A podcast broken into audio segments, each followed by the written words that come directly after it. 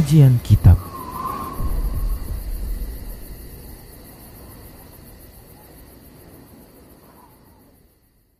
Bismillah, Assalamualaikum warahmatullahi wabarakatuh.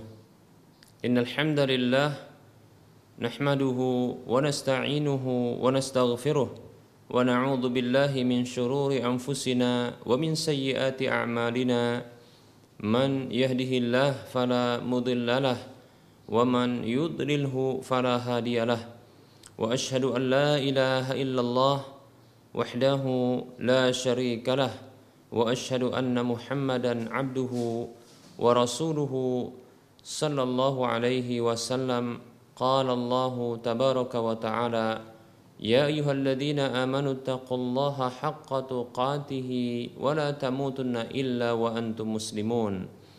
يا أيها الناس اتقوا ربكم الذي خلقكم من نفس واحدة وخلق منها زوجها وبث منهما رجالا كثيرا ونساء واتقوا الله الذي تساءلون به والأرحام إن الله كان عليكم رقيبا يا أيها الذين آمنوا اتقوا الله وقولوا قولا سديدا يصلح لكم أعمالكم ويغفر لكم ذنوبكم ومن يطع الله ورسوله فقد فاز فوزا عظيما أما بعد.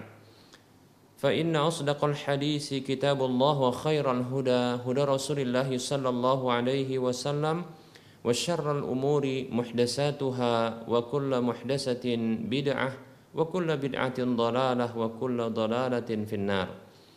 Para pemirsa Rosyad TV dan para pendengar Radio Medan Mengaji di mana saja Anda berada, rahimani wa rahimakumullah. Alhamdulillah, segala puji hanya untuk Allah, zat yang pantas untuk mendapatkan pujian dan sanjungan dari para hambanya. Karena semua kebaikan itu datang darinya, karena semua kenikmatan itu memang miliknya. Dan dia menjanjikan kepada para hambanya siapa saja di antara mereka yang bersyukur atas pemberiannya maka Allah Subhanahu wa taala akan menambahkan kenikmatan di waktu berikutnya. Selawat serta salam tak lupa kita ucapkan untuk nabinya Nabi Muhammad sallallahu alaihi wasallam teladan umat manusia yang bila diikuti petunjuk ajarannya maka akan selamat di dunia sampai menuju negeri yang kekal abadi selamanya. Para hamba Allah rahimani wa rahimakumullah.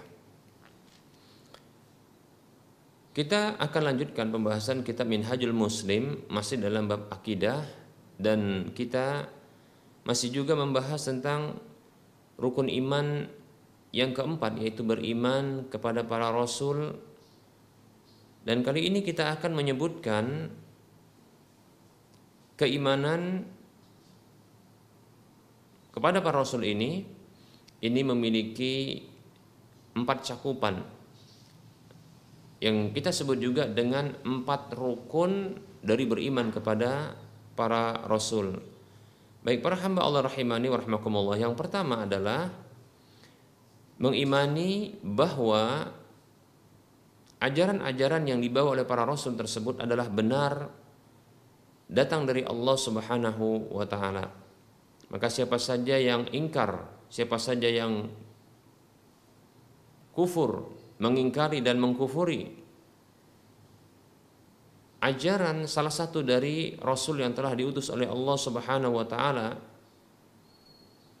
maka sungguh orang yang mengingkari tersebut telah mengingkari seluruh para rasul. Salah satu dari para rasul bila diingkari maka ini merupakan bentuk pengingkaran terhadap seluruh para rasul. Sebagaimana Allah Subhanahu wa taala berfirman dalam surah Asy-Syu'ara ayat 105. Allah mengatakan a'udzu billahi minasyaitonir rajim kadzabat qaumu nuhinil mursalin. Kaumnya Nuh itu mendustakan para rasul. Baik para hamba Allah rahimani wa rahmakumullah. Dalam ayat ini Allah Subhanahu wa taala menyatakan bahwa kaumnya Nabi Nuh itu mendustakan seluruh para rasul. Padahal rasul yang diutus kepada kaumnya tersebut hanyalah Nabi Nuh alaihissalam. Ya. Dan mereka tidak bertemu dengan rasul-rasul yang lainnya. Namun tatkala Nabi Nuh yang merupakan salah satu rasul itu didustakan, maka Allah Subhanahu wa taala menyatakan bahwa mereka telah menusakan para rasul. Mengapa demikian? Karena sesungguhnya ajaran rasul itu sama. Karena sesungguhnya ya para rasul ini saling mendukung satu dengan yang lainnya.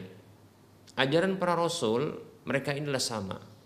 Sama akidahnya, sama keyakinannya dan sama mengajak manusia sama-sama untuk beribadah kepada Allah, mentauhidkan Allah Subhanahu wa taala. Walaupun terkadang berbeda di dalam syariat-syariatnya. Demikian.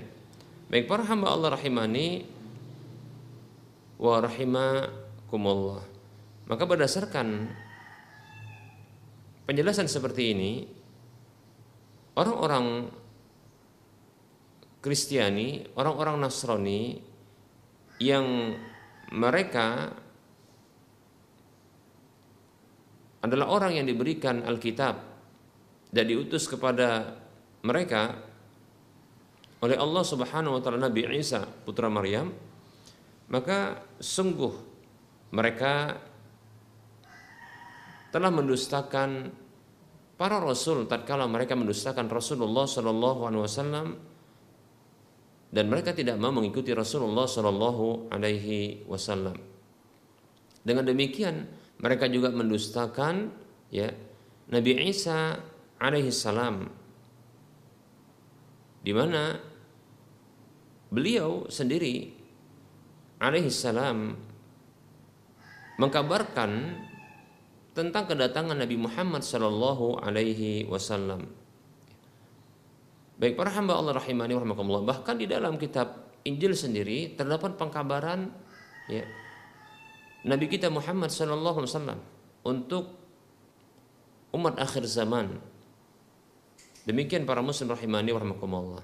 Nah, tentunya ketika dikabarkan kepada umat-umat sebelum umat Nabi Muhammad sallallahu alaihi wasallam tentang kedatangan Nabi Muhammad sallallahu alaihi wasallam ini menunjukkan bahwa beliau ini adalah utusan Allah Subhanahu wa taala yang juga diutus kepada mereka yang akan menyelamatkan mereka dari kesesatan, menyelamatkan mereka ya dari siksaan yang memberikan petunjuk kepada mereka menuju jalan kebenaran, jalan yang lurus. Demikian para hamba Allah rahimani wa rahimakumullah. Ini Rukun yang pertama yaitu mengimani bahwasanya ajaran para rasul itu benar-benar berasal dari Allah Subhanahu wa taala. Dan pengingkaran terhadap salah satu rasul ini merupakan bentuk pengingkaran terhadap semua rasul. Demikian para hamba Allah rahimani wa Berikutnya yang kedua adalah mengimani para rasul yang disebutkan nama mereka secara rinci. Seperti contohnya adalah Nabi Muhammad SAW, Nabi Ibrahim AS, Nabi Musa, Nabi Isa, Nabi Nuh, ya, Ilyas, Zakaria, Yahya, atau eh, rasul-rasul Nabi dan Rasul yang lainnya, ya, alaihi wassalam maka kita wajib untuk mengimani secara rinci. Maka disebutkan ya ada lima para rasul yang mereka ini disebut dengan rasul ulul azmi yaitu Nabi Muhammad SAW, Nabi Ibrahim, Nabi Musa, Nabi Isa dan Nabi Nuh alaihi alaihi wassalam. Baik, Allah Subhanahu wa taala menyebutkan mereka di dua tempat di dalam Al-Qur'an. Yang pertama adalah dalam surah Al-Ahzab ayat 7 Allah mengatakan a'udzu billahi minasyaitonir rajim. Wa id akhadna minan nabiyyina mitsaqahum wa minka wa min Nuhi wa min wa min Nuhi wa Ibrahim wa Musa wa Isa bin Maryam. wa Isa bin Maryam. Allah Subhanahu wa taala berfirman yang artinya dan ingatlah tatkala kami mengambil perjanjian mereka dari kalangan para nabi ya. Dan juga darimu juga dari Nabi Nuh Ibrahim Musa Isa putra Maryam. Ini disebutkan ya demikian. Kemudian Allah Subhanahu wa taala menyebutkan dalam surah Asy-Syura ayat 13 ini ayat yang kedua Allah mengatakan, "A'udzu billahi minasyaitonir rajim.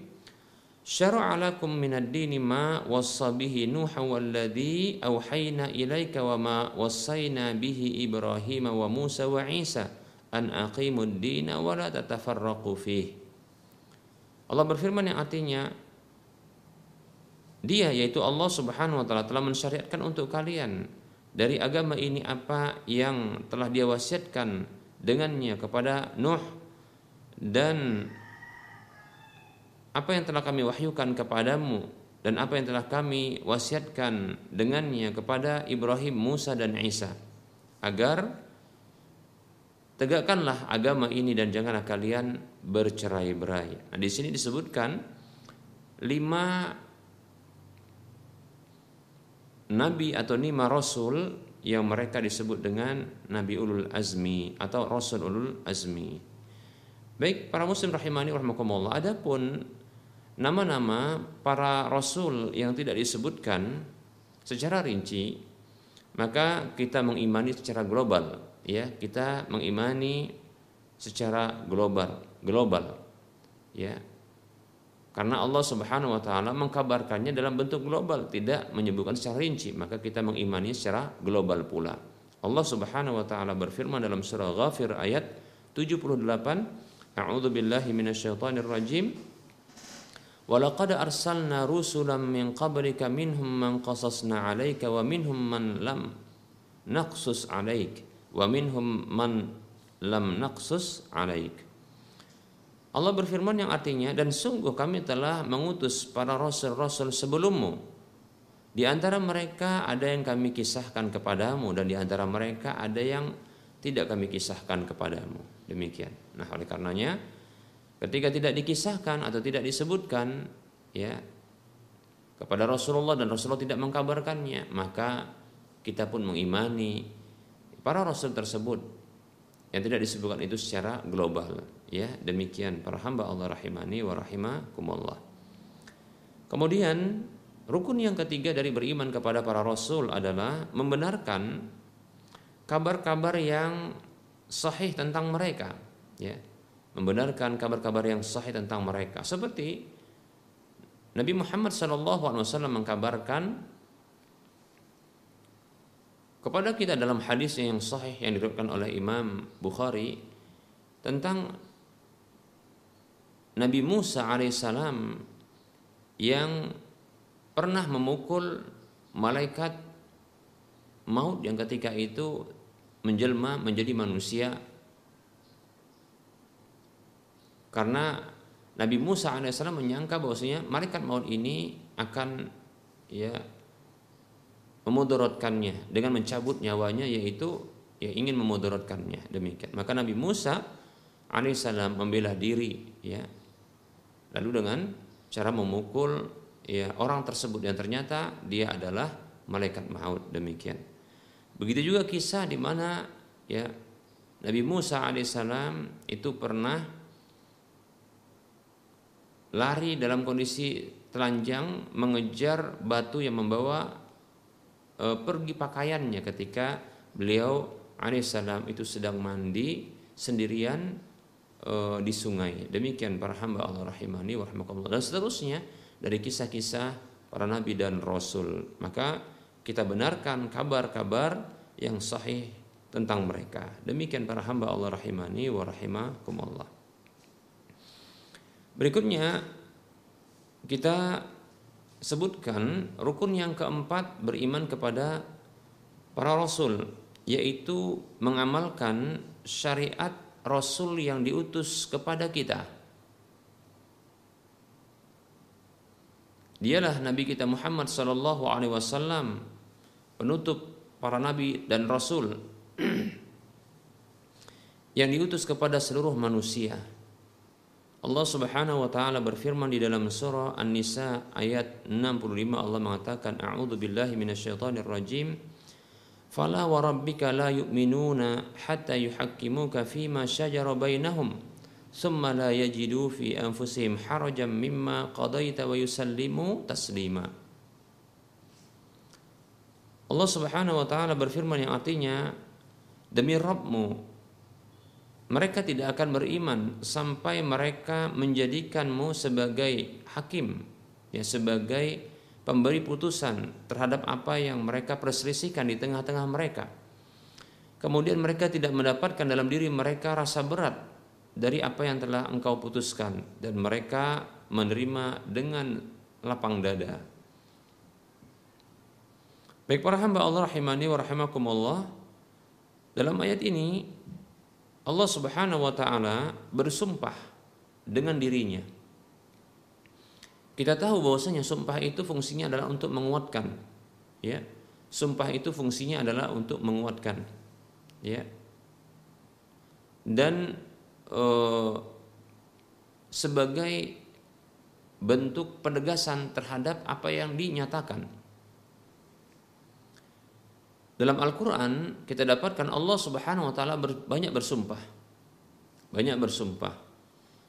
Dan yang paling banyak dari sumpah-sumpah tersebut adalah bersumpah dengan makhluk-makhluk Allah Subhanahu wa taala.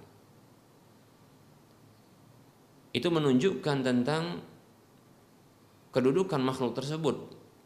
Ya, di sisi Allah Subhanahu wa taala dan begitu besar manfaatnya di sisi makhluk para hamba Allah Subhanahu wa taala. Dan itu juga menunjukkan tentang pentingnya sesuatu yang disampaikan oleh Allah Subhanahu wa taala yang Allah bersumpah ya dengan makhluk yang memiliki kedudukan tinggi di sisi Allah dan di sisi para hambanya. Nah, kita dapatkan dalam ayat ini Allah Subhanahu wa taala bersumpah dengan dirinya. Ya. Fala wa rabbika demi Rabbmu. Allah bersumpah dengan ya dirinya sendiri. Menunjukkan bahwasanya sesuatu yang menjadi isi sumpah tersebut ini sesuatu yang sangat penting, lebih penting ketimbang ya sumpah-sumpah atau isi-isi sumpah yang Allah bersumpah dengan makhluk. Ketika Allah SWT bersumpah dengan sesuatu yang lebih mulia, bahkan paling mulia, yaitu dirinya, maka menunjukkan begitu pentingnya isi sumpah tersebut. Itu ternyata Allah Subhanahu wa taala menyatakan ya, tidak berimannya para hamba sampai mereka menjadikan Rasulullah wasallam sebagai pemberi putusan hukum terhadap permasalahan-permasalahan yang terjadi. Ya. Kemudian setelah ditetapkan oleh Nabi SAW maka tidak boleh ada rasa berat. Begitu juga harus menerima ya tidak boleh menolaknya demikian dan tentunya dengan penerimaan yang lapang dada. Baik para hamba Allah rahimani wa rahimakumullah. Keimanan dengan para rasul ini setelah kita menyebutkan rukunnya ada empat. Keimanan kepada para rasul ini ini memiliki pengaruh yang baik bagi seorang mukmin. Yang pertama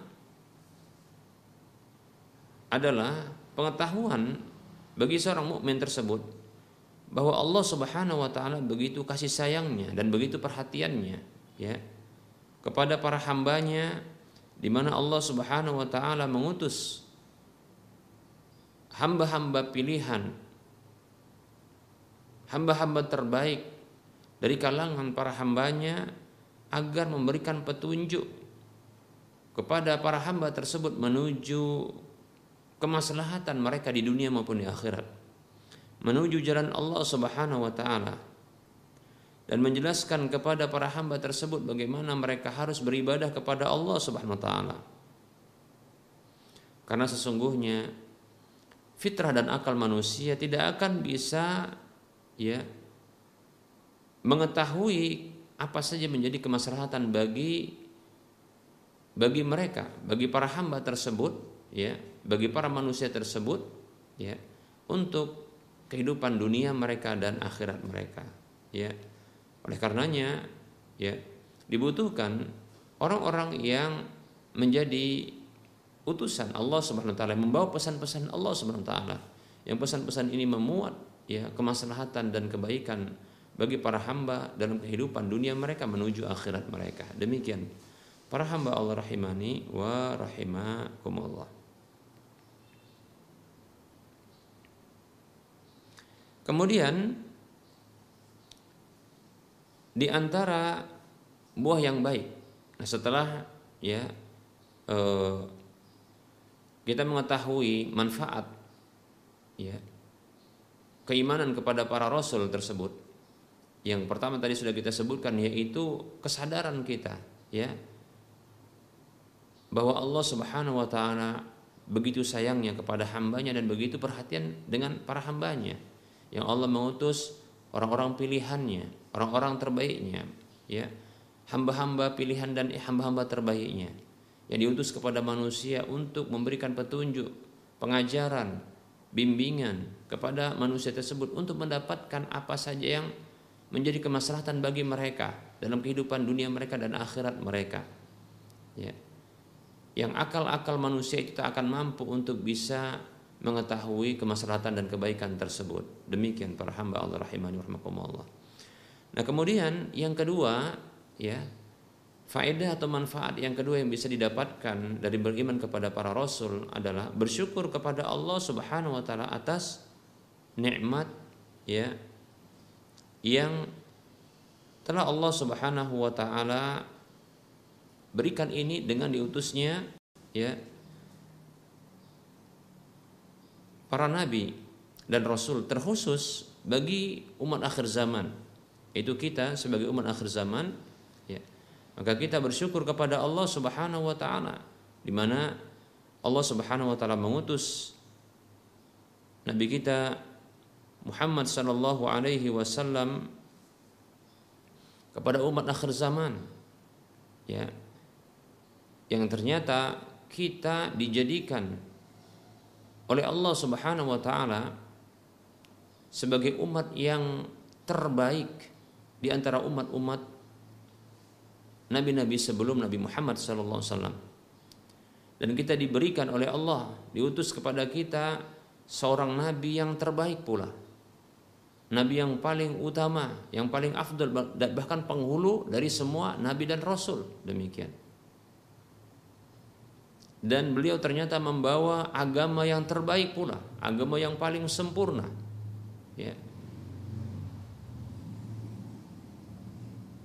Kemudian kita diberikan pula ya kitab suci Al-Qur'an oleh Allah Subhanahu wa taala lewat Rasulullah SAW yang Al-Quran ini adalah ya kitab suci yang tak akan pernah bisa dirubah oleh tangan-tangan manusia. Demikian.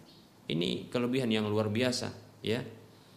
Oleh karenanya Allah Subhanahu wa taala berfirman dalam surah Ali Imran ayat 164 Allah mengatakan A'udzu billahi minasyaitonir rajim laqad manallahu 'alal mu'minina id ba'atsa fihim rasulan min anfusihim yatlu alaihim ayatihi wa yuzakkihim wa yu'allimuhumul kitaba wal hikmah.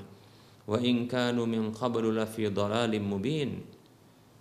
Laqad di sini Allah Subhanahu wa taala menegaskan bahkan dengan dua bentuk penegasan.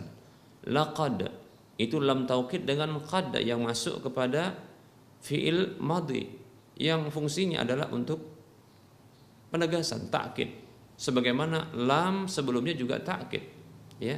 Sungguh benar-benar Allah telah memberikan karunia ya. Ini karunia besar nikmat yang besar yang diberikan kepada kita umat akhir zaman orang-orang beriman ya yang mau beriman tentunya. Laqad manallahu 'alal mu'minin. Sungguh benar-benar Allah telah memberikan karunia kepada orang-orang beriman. Id ba'atsa fihim rasulan min anfusihim. Di mana tatkala Allah Subhanahu wa taala mengutus seorang rasul di tengah-tengah mereka dari diri mereka sendiri. Bukan dari kalangan jin, bukan dari kalangan para malaikat, tapi dari kalangan manusia pula. Yatlu alaihim ayatihi yang Rasul tersebut membacakan ayat-ayat Allah kepada mereka.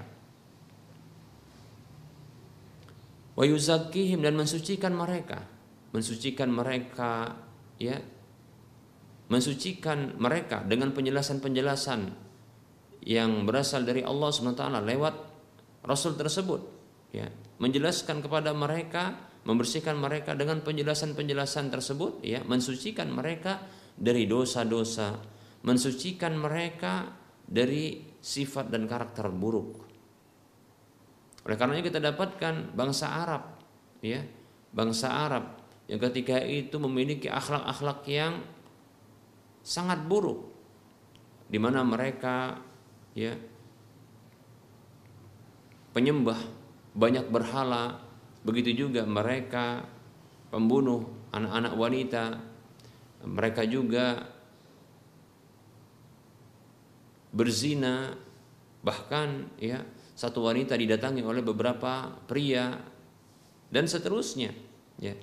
Ini Rasulullah SAW Nabi kita Muhammad SAW itu mensucikan mereka mensucikan mereka dari akhlak-akhlak buruk, mensucikan mereka dari perangai-perangai buruk, ya, dengan penjelasan-penjelasan yang itu merupakan pesan-pesan Allah Subhanahu wa taala kepada para hamba demikian kepada mereka dan mensucikan mereka dari dosa-dosa.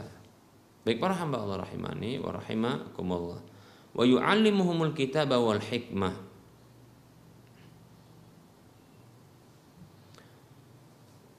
dan mereka dan e, beliau mengajarkan kepada mereka dan dia yaitu Nabi Muhammad SAW itu mengajarkan kepada mereka Alkitab yaitu kitab suci Al-Quran wal hikmah yaitu hikmah sunnah Nabi SAW yaitu wahyu yang diberikan kepada Nabi SAW selain Al-Quran. Wa in kanu min qablu la fi mubin walaupun dahulu mereka sebelumnya benar-benar dalam kondisi kesesatan yang nyata. Baik para hamba Allah rahimani rahimakumullah. Nah, ini dalil yang menunjukkan kepada kita bahwa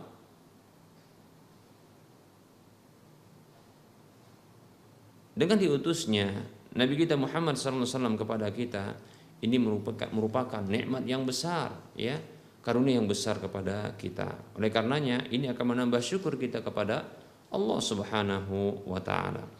Kemudian yang ketiga yang berikutnya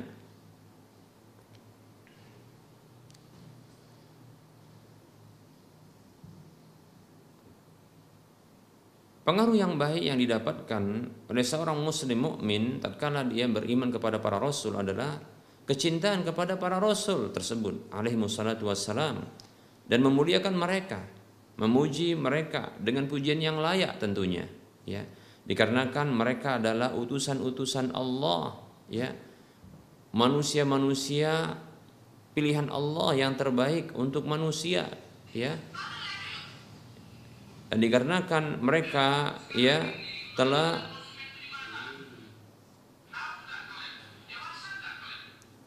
dikarenakan mereka telah ya menegakkan ibadah kepada Allah, memberikan contoh kepada para hamba umat manusia yang mereka para nabi dan rasul tersebut diutus kepada manusia ketika itu, memberikan contoh kepada mereka ya. Dan dengan lemah lembut mengajak mereka, menyampaikan kepada mereka pesan-pesan Allah Subhanahu wa taala dan dengan ketulusan hati mereka mereka menasihati ya para hamba. Nah, kita dapatkan Nabi kita Muhammad SAW salah satu di antara mereka yang demikian bahkan dengan contoh teladan yang luar biasa. Ya, bahkan Rasulullah SAW dikatakan oleh Allah wa inna ala khuluqin azim dan sesungguhnya engkau wahai Muhammad SAW berada di atas akhlak yang agung demikian. Dan contoh teladan yang diberikan oleh Rasulullah SAW itu begitu mulia, ya ya, kita tidak tidak mendapatkan contoh teladan yang terbaik yang telah uh, diajarkan oleh manusia kecuali ya apa yang diajarkan oleh Nabi kita Muhammad SAW ya yang terbaik di dalam mengaplikasikan pesan-pesan Allah Subhanahu wa taala kepada kita. Nah, oleh karenanya nah ini akan eh, semakin menambah ya kecintaan kita kepada para nabi dan rasul terkhusus kepada nabi kita Muhammad sallallahu alaihi wasallam.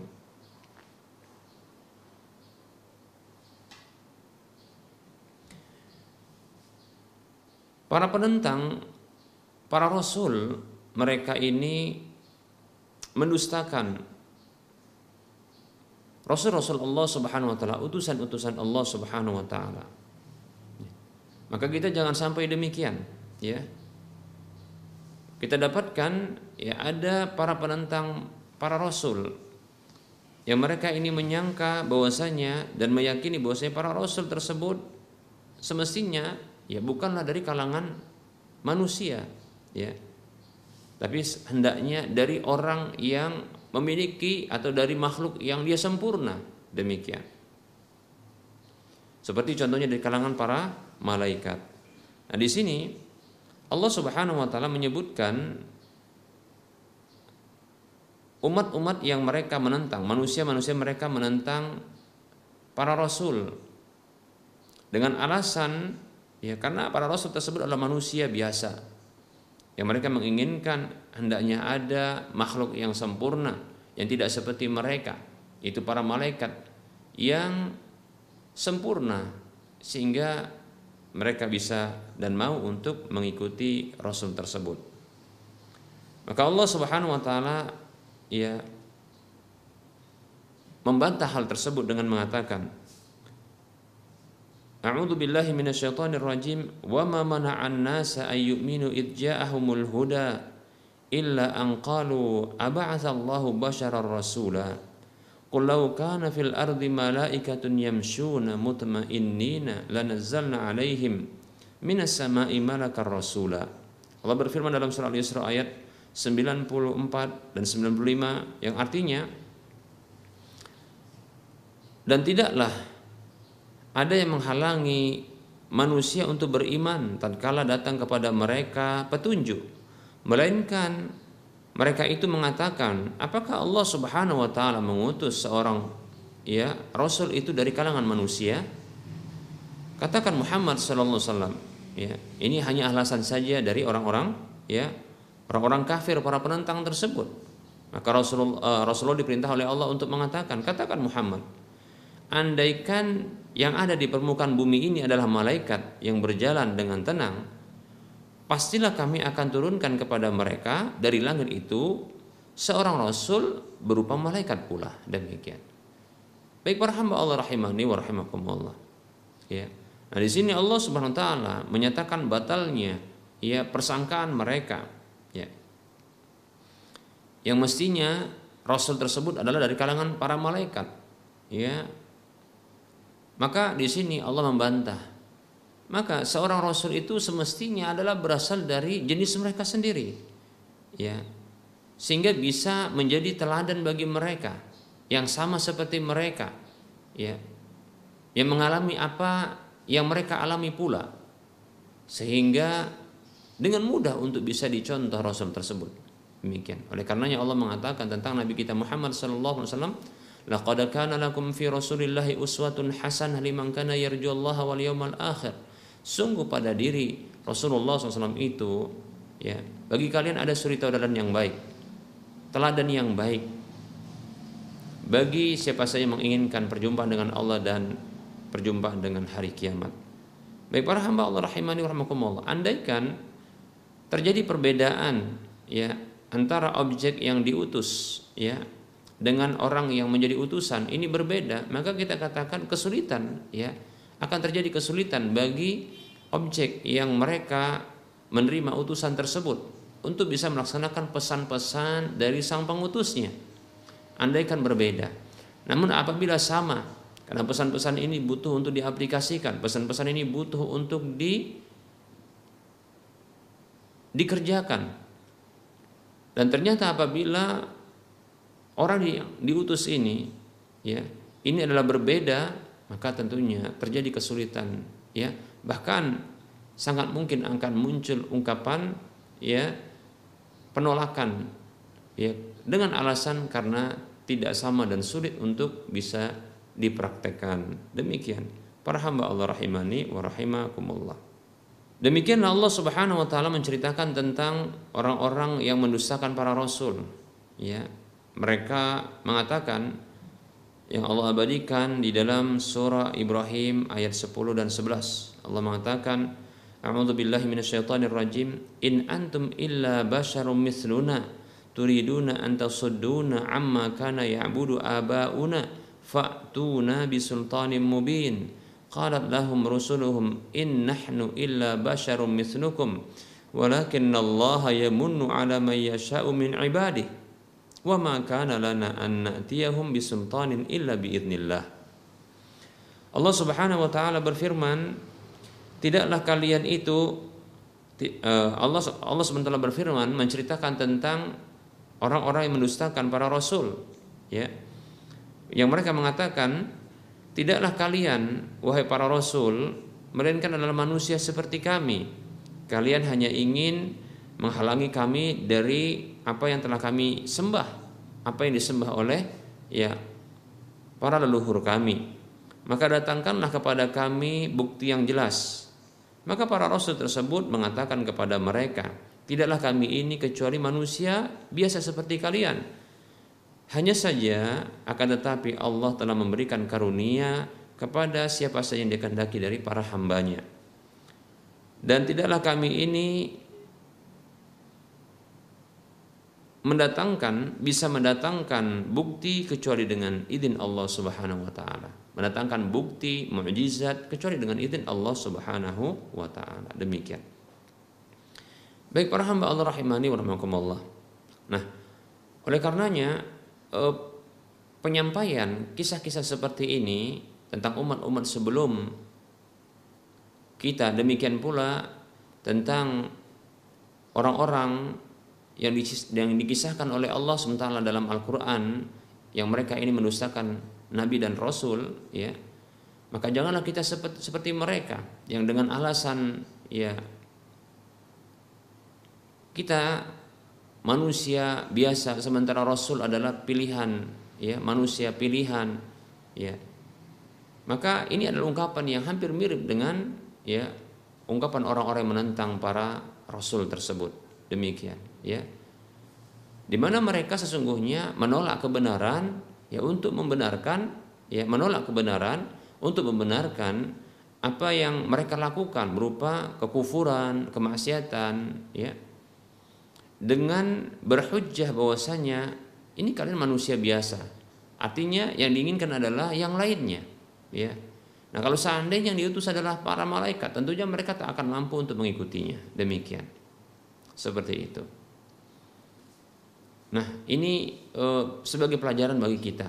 Ya, tidak ada pilihan bagi kita ketika Allah Subhanahu wa taala mengutus orang-orang pilihannya dengan membawa pesan-pesannya dan ajaran-ajarannya, ketetapan-ketetapannya. Maka tidak ada pilihan bagi kita kecuali kita harus ya mengikuti kebenaran tersebut. Mengikuti kebenaran tersebut. Dan secara khusus kita mengikuti ya apa yang dibawa oleh Nabi kita Muhammad SAW dan kita mengikuti serta mentaati beliau bila kita menginginkan ya kebahagiaan di akhirat dengan masuk surga. Kata Nabi kita Muhammad SAW, Man ata'ani jannah. Siapa saya yang taat kepadaku maka dia masuk surga demikian. Ya. Jangan kita beralasan seperti alasan-alasan ya orang-orang terdahulu ya yang mendustakan para nabi dan rasul dengan mengatakan ya dengan maksud untuk menolak kebenaran tersebut, tak mau untuk mengikuti, ya. Dengan kita mengatakan, ya, mengapa ya mereka diutus kepada kami dalam kondisi mereka begitu sempurna demikian. Ya itu mungkin alasan sebagian yang kita ucapkan ya yang diucapkan oleh manusia saat ini. Mereka kan manusia pilihan adapun kita adalah manusia biasa demikian. Padahal ya tidaklah Allah Subhanahu wa taala menetapkan sebuah aturan ya melainkan itu sesuai dengan kemampuan manusia.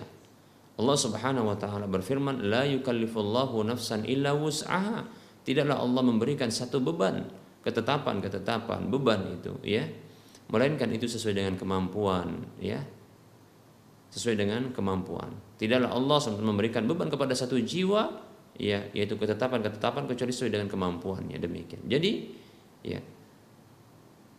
Jangan kita menolak ketetapan Allah Subhanahu wa taala. Jangan kita tolak ya pesan-pesan Allah Subhanahu wa taala yang datangnya dari Nabi kita Muhammad sallallahu alaihi wasallam sebagaimana ya para penentang dan orang-orang mendustakan ya para rasul tersebut menentang para rasul dengan alasan-alasan demikian. Namun mereka gunakan alasan yang berbeda. Ada yang memberikan alasan bahwasanya ya kalian adalah manusia biasa ya.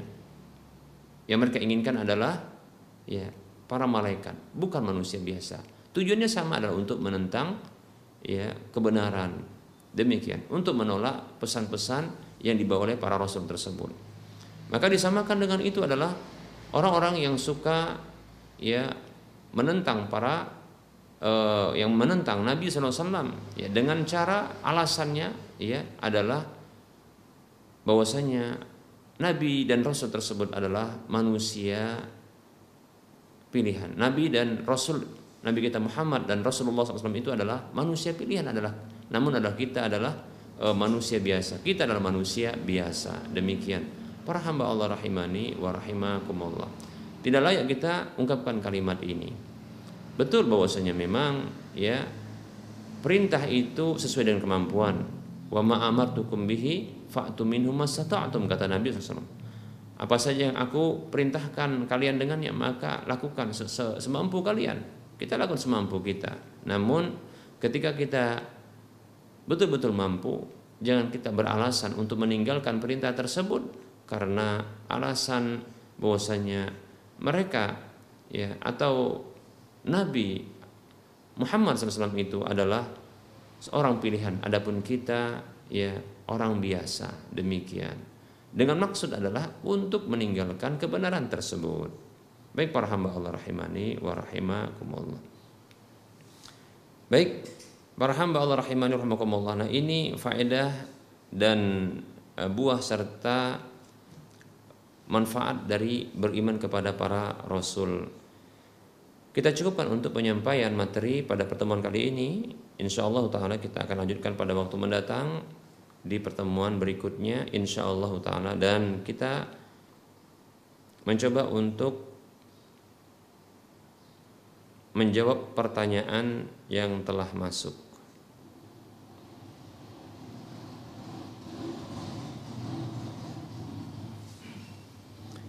Assalamualaikum warahmatullahi wabarakatuh. Ini pertanyaan pertama. Ustadz mau tanya bagaimana yang dimaksud dengan tujuh eh, dengan takbir sebanyak tujuh rakaat pertama Apakah takbiratul ihram pertama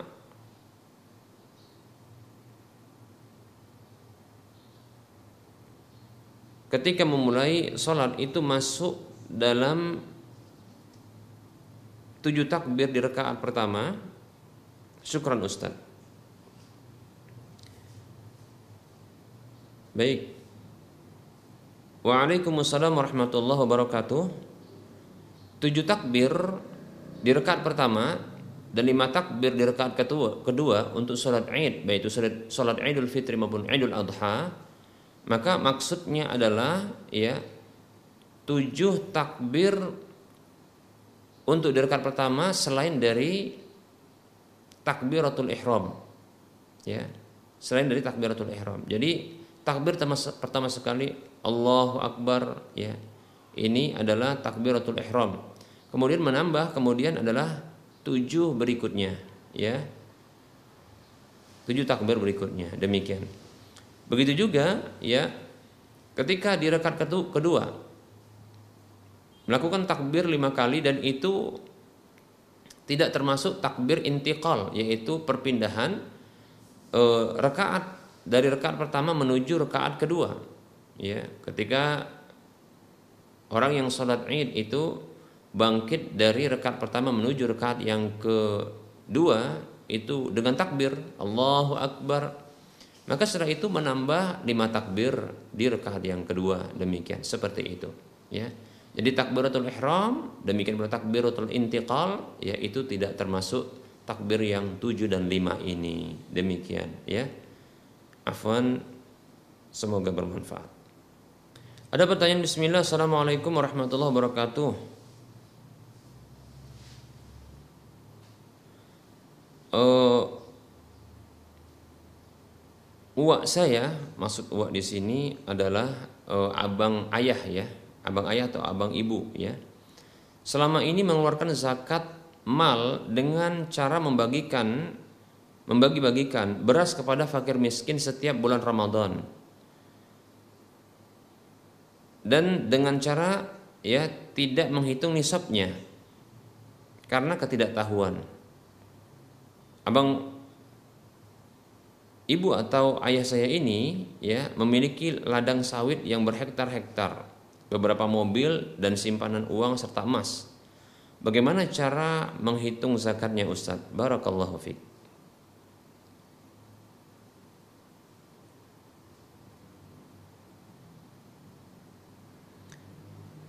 Waalaikumsalam warahmatullahi wabarakatuh.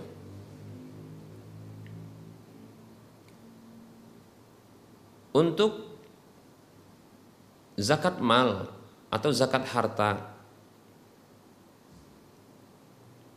maka menurut pendapat yang tepat ya kecuali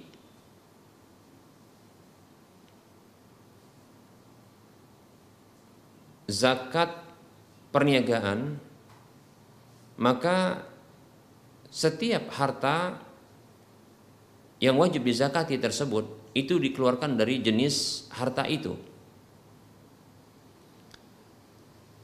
Walaupun ada pendapat yang mengatakan bolehnya dengan bentuk uang atau yang lainnya.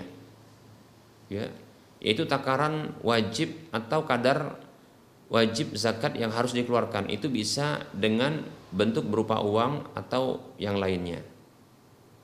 Namun wallahu taala alam menurut pendapat yang kuat kecuali zakat perniagaan ya maka satu harta yang wajib dizakati maka dikeluarkan zakatnya dari jenis harta tersebut. Demikian ya.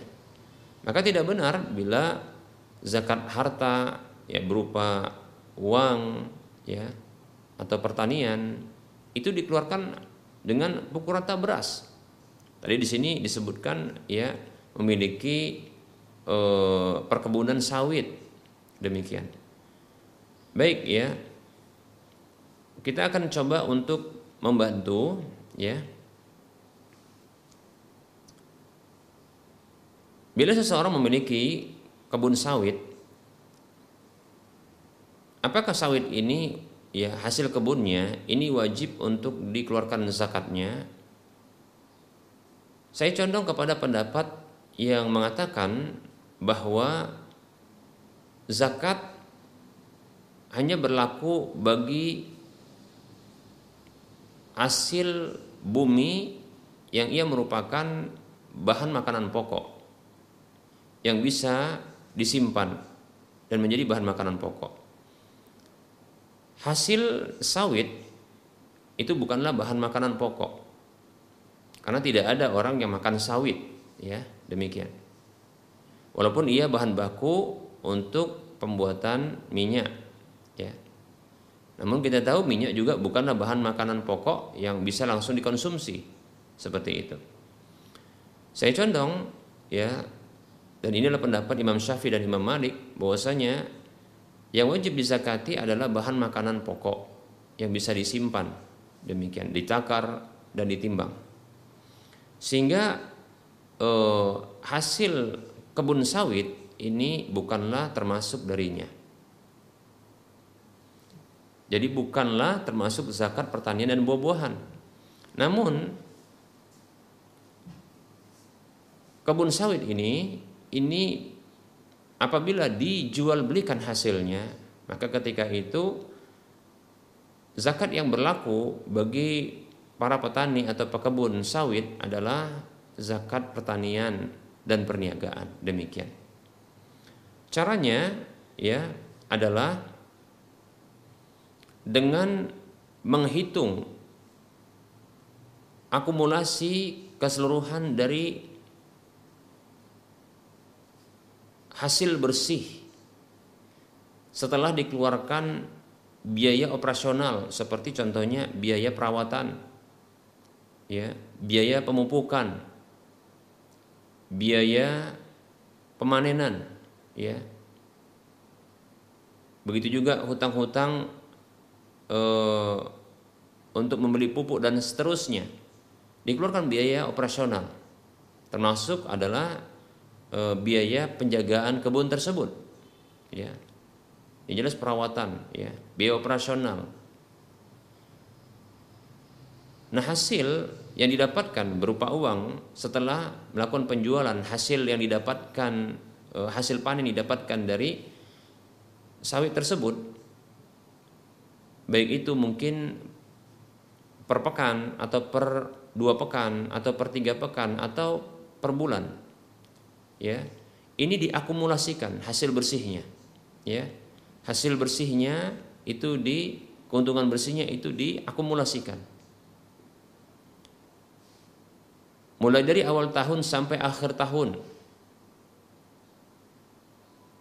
Setelah dihitung dan, dan diakumulasikan keseluruhannya maka dikeluarkan dua setengah persennya atau seperempat puluhnya. Itu yang disakati ya. Baik ya. Nah kita dapatkan di sini kan hasilnya berupa kebun sawit ya.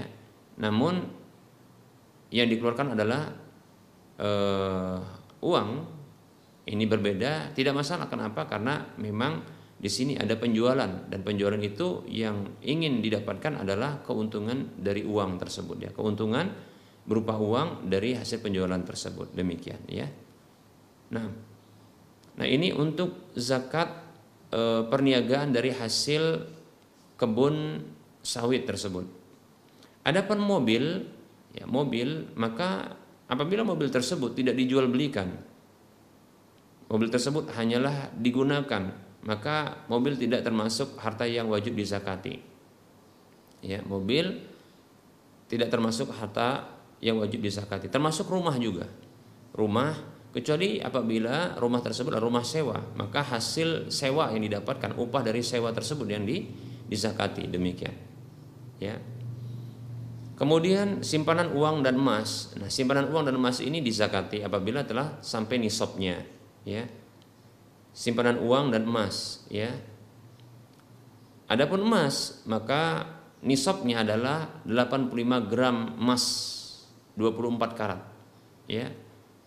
Apabila telah mencapai batas minimal ini maka emas tersebut wajib untuk dizakati. Apabila lebih maka tentunya e, dikeluarkan darinya dua setengah persen atau seperempat puluhnya. Demikian. Dari total e, jumlah emas atau berat emas yang ada ketika itu yang telah lewat nisabnya. Demikian. Kemudian uang ya. Uang menurut jumhur ulama termasuk juga harta yang wajib dizakati apabila disimpan ya disimpan ya uang tersebut ya maka Ketika telah sampai nisabnya dan telah berjalan satu tahun, maka wajib juga untuk dizakati.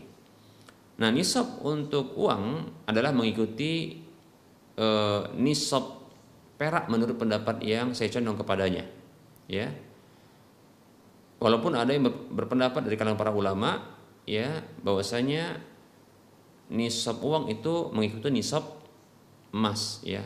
Namun saya condong ya untuk mengikuti nisab perak karena ini lebih ya lebih e, berempati kepada fakir miskin demikian ya. Nah apabila e, nilai uang tersebut senilai minimalnya 595 gram perak yang barangkali perak itu saat ini harganya mungkin sekitar 11 sampai 12 ribu ya. Dan nilai ini nilai yang sangat sedikit ya. Jadi kalau uang sekitar senilai e, 595 gram perak ini sudah masuk nisabnya dan menunggu satu tahun, maka bisa dikeluarkan.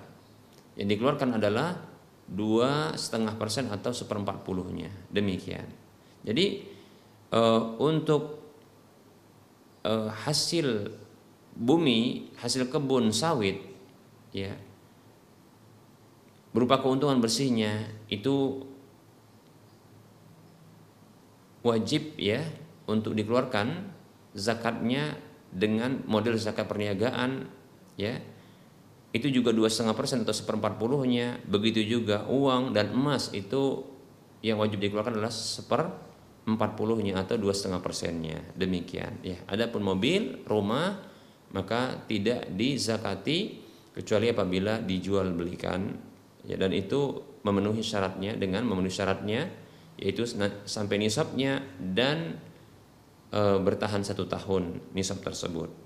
Baik, ini jawaban untuk pertanyaan tersebut. Semoga bermanfaat.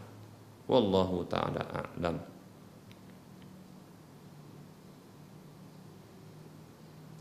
Wafik barakallah. Pertanyaan berikutnya Orang tua yang tidak mampu namun anaknya kaya. Orang tua tersebut tidak tinggal bersama dengan anaknya. Apakah orang tua tersebut berhak untuk menerima zakat? Mohon penjelasannya Ustaz. Baik ya. Bismillah. Bila ada anak yang kaya namun orang tua miskin, saya khawatir anak tersebut jatuh kepada ya pengabaian terhadap orang tuanya. Kalau ada anak yang kaya namun orang tuanya miskin, maka kita katakan ini bisa jadi ini bisa jadi jatuh kepada pengabaian kepada orang tua. Karena sesungguhnya harta anak adalah harta orang tua. Harta anak adalah harta orang tua. Ya. Berdasarkan hadis dari Amr ibnu Syaib dari ayahnya, dari kakeknya, bahwasanya ada seorang laki-laki yang datang kepada Nabi Shallallahu Alaihi Wasallam sembari mengatakan Inna limalan wa inna walidi yahtaju ila mali. Sesungguhnya aku memiliki harta sementara orang tuaku itu butuh kepada hartaku. Dan yang lain disebutkan aku punya juga tanggungan. Ya jadi harta ada tanggungan juga ada. Ya yaitu anak dan istrinya sementara orang tuaku membutuhkan hartaku maka Rasul mengatakan sallallahu alaihi wasallam anta wa maluka liwalidika inna auladakum min athabi kasbikum kulu min kasbi auladikum kata Nabi SAW, engkau dan hartamu adalah milik orang tuamu. Sesungguhnya anak-anak kalian itu termasuk hasil usaha terbaik kalian. Maka makanlah dari hasil usaha anak-anak kalian. Lihat, ya. Nah, di sini hukum yang jelas yang diberikan Nabi SAW bahwasanya ya kita dan harta kita adalah milik orang tua kita. Demikian. Maka tidak layak kita kaya sementara orang tua kita miskin kita berkecukupan makan sementara orang tua kita kelaparan. Ini tidak benar, ya. Saya khawatir tindakan seperti ini merupakan bentuk ya bentuk kedurhakaan kepada orang tua. Demikian para hamba Allah rahimani wa rahimakumullah. Mungkin uh, yang menjadi sebabnya adalah karena terpisah jauh. Maka kita katakan, bukankah bisa kita mengirimkan harta kita kepada orang tua kita, ya, tanpa harus ya e, kita berbakti kepada orang tua kita ketika mereka ada di sisi kita, tidak mesti. Memang tidak bisa dipungkiri terkadang orang tua kita lebih suka dia mandiri, tidak ingin memberatkan anak, ya, lebih suka dengan kewibawaannya di mana dia tidak suka untuk ya meminta-minta kepada anak. Walaupun dia membutuhkan, maka sebaiknya kita yang perhatian. Ya, kita yang perhatian karena sesungguhnya kita kelak pun akan seperti mereka, tua. Dalam kondisi tua yang sangat mungkin juga kita lebih parah ketimbang mereka dari sisi ekonomi. Ya. Barangkali juga kita akan seperti mereka pula yaitu kita menahan diri untuk tidak memberatkan anak. Kita menahan diri untuk ya tidak meminta-minta kepada anak. Kita punya rasa malu. Namun tak dipungkiri kita juga butuh. Ya, kita juga butuh. Oleh karenanya ya sebaiknya ya anak yang memahami kondisi tersebut. Lebih-lebih kita ini adalah milik orang tua kita dan harta kita. Maka kita arahkan harta harta kita sebagian dari harta kita untuk kebutuhan mereka. Jangan sampai mereka miskin. Jangan sampai mereka susah makan sementara kita berkecukupan dan cukup makan. Baik para hamba Allah rahimani wa rahimakumullah. nah kemudian berdasarkan dari keterangan ini maka tidak layak pula ya zakat kita ini kita arahkan kepada orang tua kita. Zakat kita ini kita arahkan kepada orang tua kita. Ya. Mengapa demikian? Ya karena harta kita adalah harta orang tua kita. Apabila kita arahkan zakat kita kepada mereka maka tentunya ya seperti ya berzakat kepada pemilik harta tersebut ya sehingga tidak terhitung mengeluarkan zakat. Demikian ya. Maka tidak benar ya. Maka pendapat yang kuat adalah tidak boleh berzakat kepada orang tua. Mengarahkan harta zakat kepada orang tua. Mengapa? Karena ya harta kita harta anak adalah harta orang tua Apabila seorang anak membayarkan zakatnya yang diarahkan kepada orang tuanya, ya maka ketahuilah itu seperti kembali ya zakat itu atau berzakat itu kepada pemilik sendiri, ya pemilik harta itu sendiri sehingga tidak terhitung zakat. Wallahu taala a'lam. Demikian.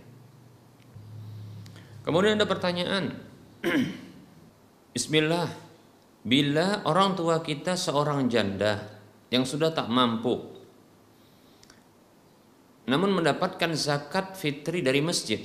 Apakah kita sebagai anak tetap wajib untuk menzakatkan atau menzakati orang tersebut, ya? Atau tidak? Karena kita mampu untuk menzakati orang tua kita. Maksudnya membayarkan zakat orang tua kita. Jazakallahu khairan. Baik, bismillah.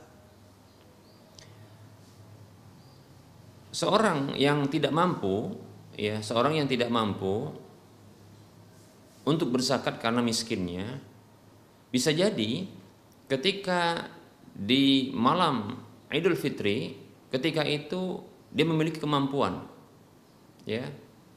Ketika itu bisa dia kaya mendadak dengan mendapatkan zakat ya dari eh, orang-orang uh, sekitar atau lewat masjid ya lewat panitia zakat yang ada di masjid demikian.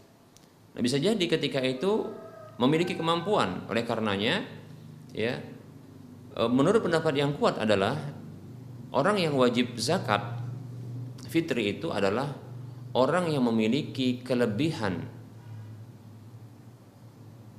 harta dari kebutuhan makan dan minumnya eh, dari kebutuhan makannya untuk sehari semalam di hari raya Idul Fitri. Ya. Contoh apabila seseorang ya membutuhkan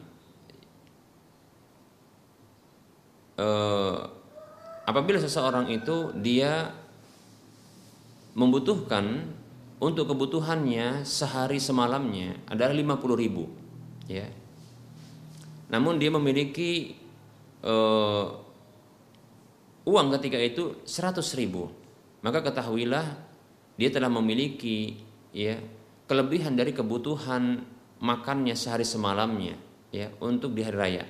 Sehingga wajib bagi dirinya untuk me mengeluarkan zakat ketika itu. Demikian ya. Dari 50 ribu sisanya seperti itu ya. Dari 50 ribu sisanya. Saya ulangi jadi kalau ini contoh kalau ada seseorang yang ketika di malam lebaran di malam Idul Fitri dia memiliki uang 100 ribu sementara ya dia adalah orang miskin sesungguhnya, tapi dia memiliki uang 100 ribu. Ya. Kebutuhannya untuk esok harinya, untuk makan dan e, minumnya, untuk sehari semalamnya itu 50 ribu. Karena dia akan olah sekitar 50 ribu. Maka sisanya itu wajib untuk dizakati. Maka sisanya itu wajib untuk dizakati yaitu e, maksudnya sisanya itu wajib untuk dikeluarkan sebagai pembayaran zakat fitri, zakat jiwa bagi dirinya. Demikian wallahu taala alam, ya. Seperti itu. Walaupun dia adalah orang miskin dari kehidupan sehari-hari, ya. Jadi e, menurut pendapat ini yang saya condong kepada pendapat ini, jadi ada orang yang sesungguhnya e, dari kehidupannya setahun dia termasuk orang yang miskin. Namun bisa jadi kondisi yang miskin seperti itu dia bisa e, mendadak berkecukupan di satu waktu yang ketika itu wajib baginya untuk membayarkan e, zakat fitri bagi dirinya untuk dirinya demikian ya kata Nabi SAW ya man wa indahu ma yughni fa inna ma yastaksiru minan nari siapa saja yang meminta-minta sementara dia memiliki sesuatu yang mencukupi dia, maka sesungguhnya dia hanyalah memperbanyak dari api neraka. Para sahabat bertanya, "Wa ma yughni ya Rasulullah?" Apa yang mencukupi itu wahai Rasulullah? Maka kata Rasulullah an yakuna lahu syab'u yaumin wa lailatin. Dia memiliki makanan yang mengenyang, mengenyangkan atau mencukupi, mengenyangkan dia sehari semalamnya. Demikian. Jadi uh, ukuran seperti itu itu adalah kecukupan ya dikatakan sesuatu yang mencukupi dia sehingga kelebihan dari hal ini itu diharuskan bagi dirinya untuk membayar zakat ya wallahu taala alam baik para hamba Allah rahimani warahmatullah barangkali kita cukupkan untuk penyampaian materi eh, kali ini dan menjawab pertanyaan. Barangkali dalam penyampaian ini ya kajian kali ini banyak kesalahan kekeliruan dan kekurangan ya. Kami mohon maaf ya atas kesalahan, keliruan dan kekurangan tersebut. Eh, kepada Allah kami mohon ampun. Kebenaran maka ambillah, kekurangan, kekeliruan maka tinggalkanlah.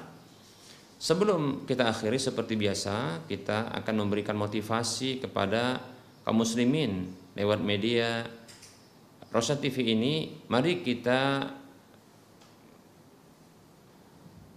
bersedekah, berinfak, mengeluarkan sebagian harta kita untuk membebaskan lahan yang nantinya akan dibangun di atasnya Masjid Al-Muwahhidin yang insya Allah Ta'ala akan ditegakkan di atasnya sholat lima waktu kemudian diselenggarakan padanya ya kegiatan-kegiatan kajian kajian ilmiah insya Allah Ta'ala. Demikian pula kegiatan-kegiatan sosial yang, yang lainnya ya.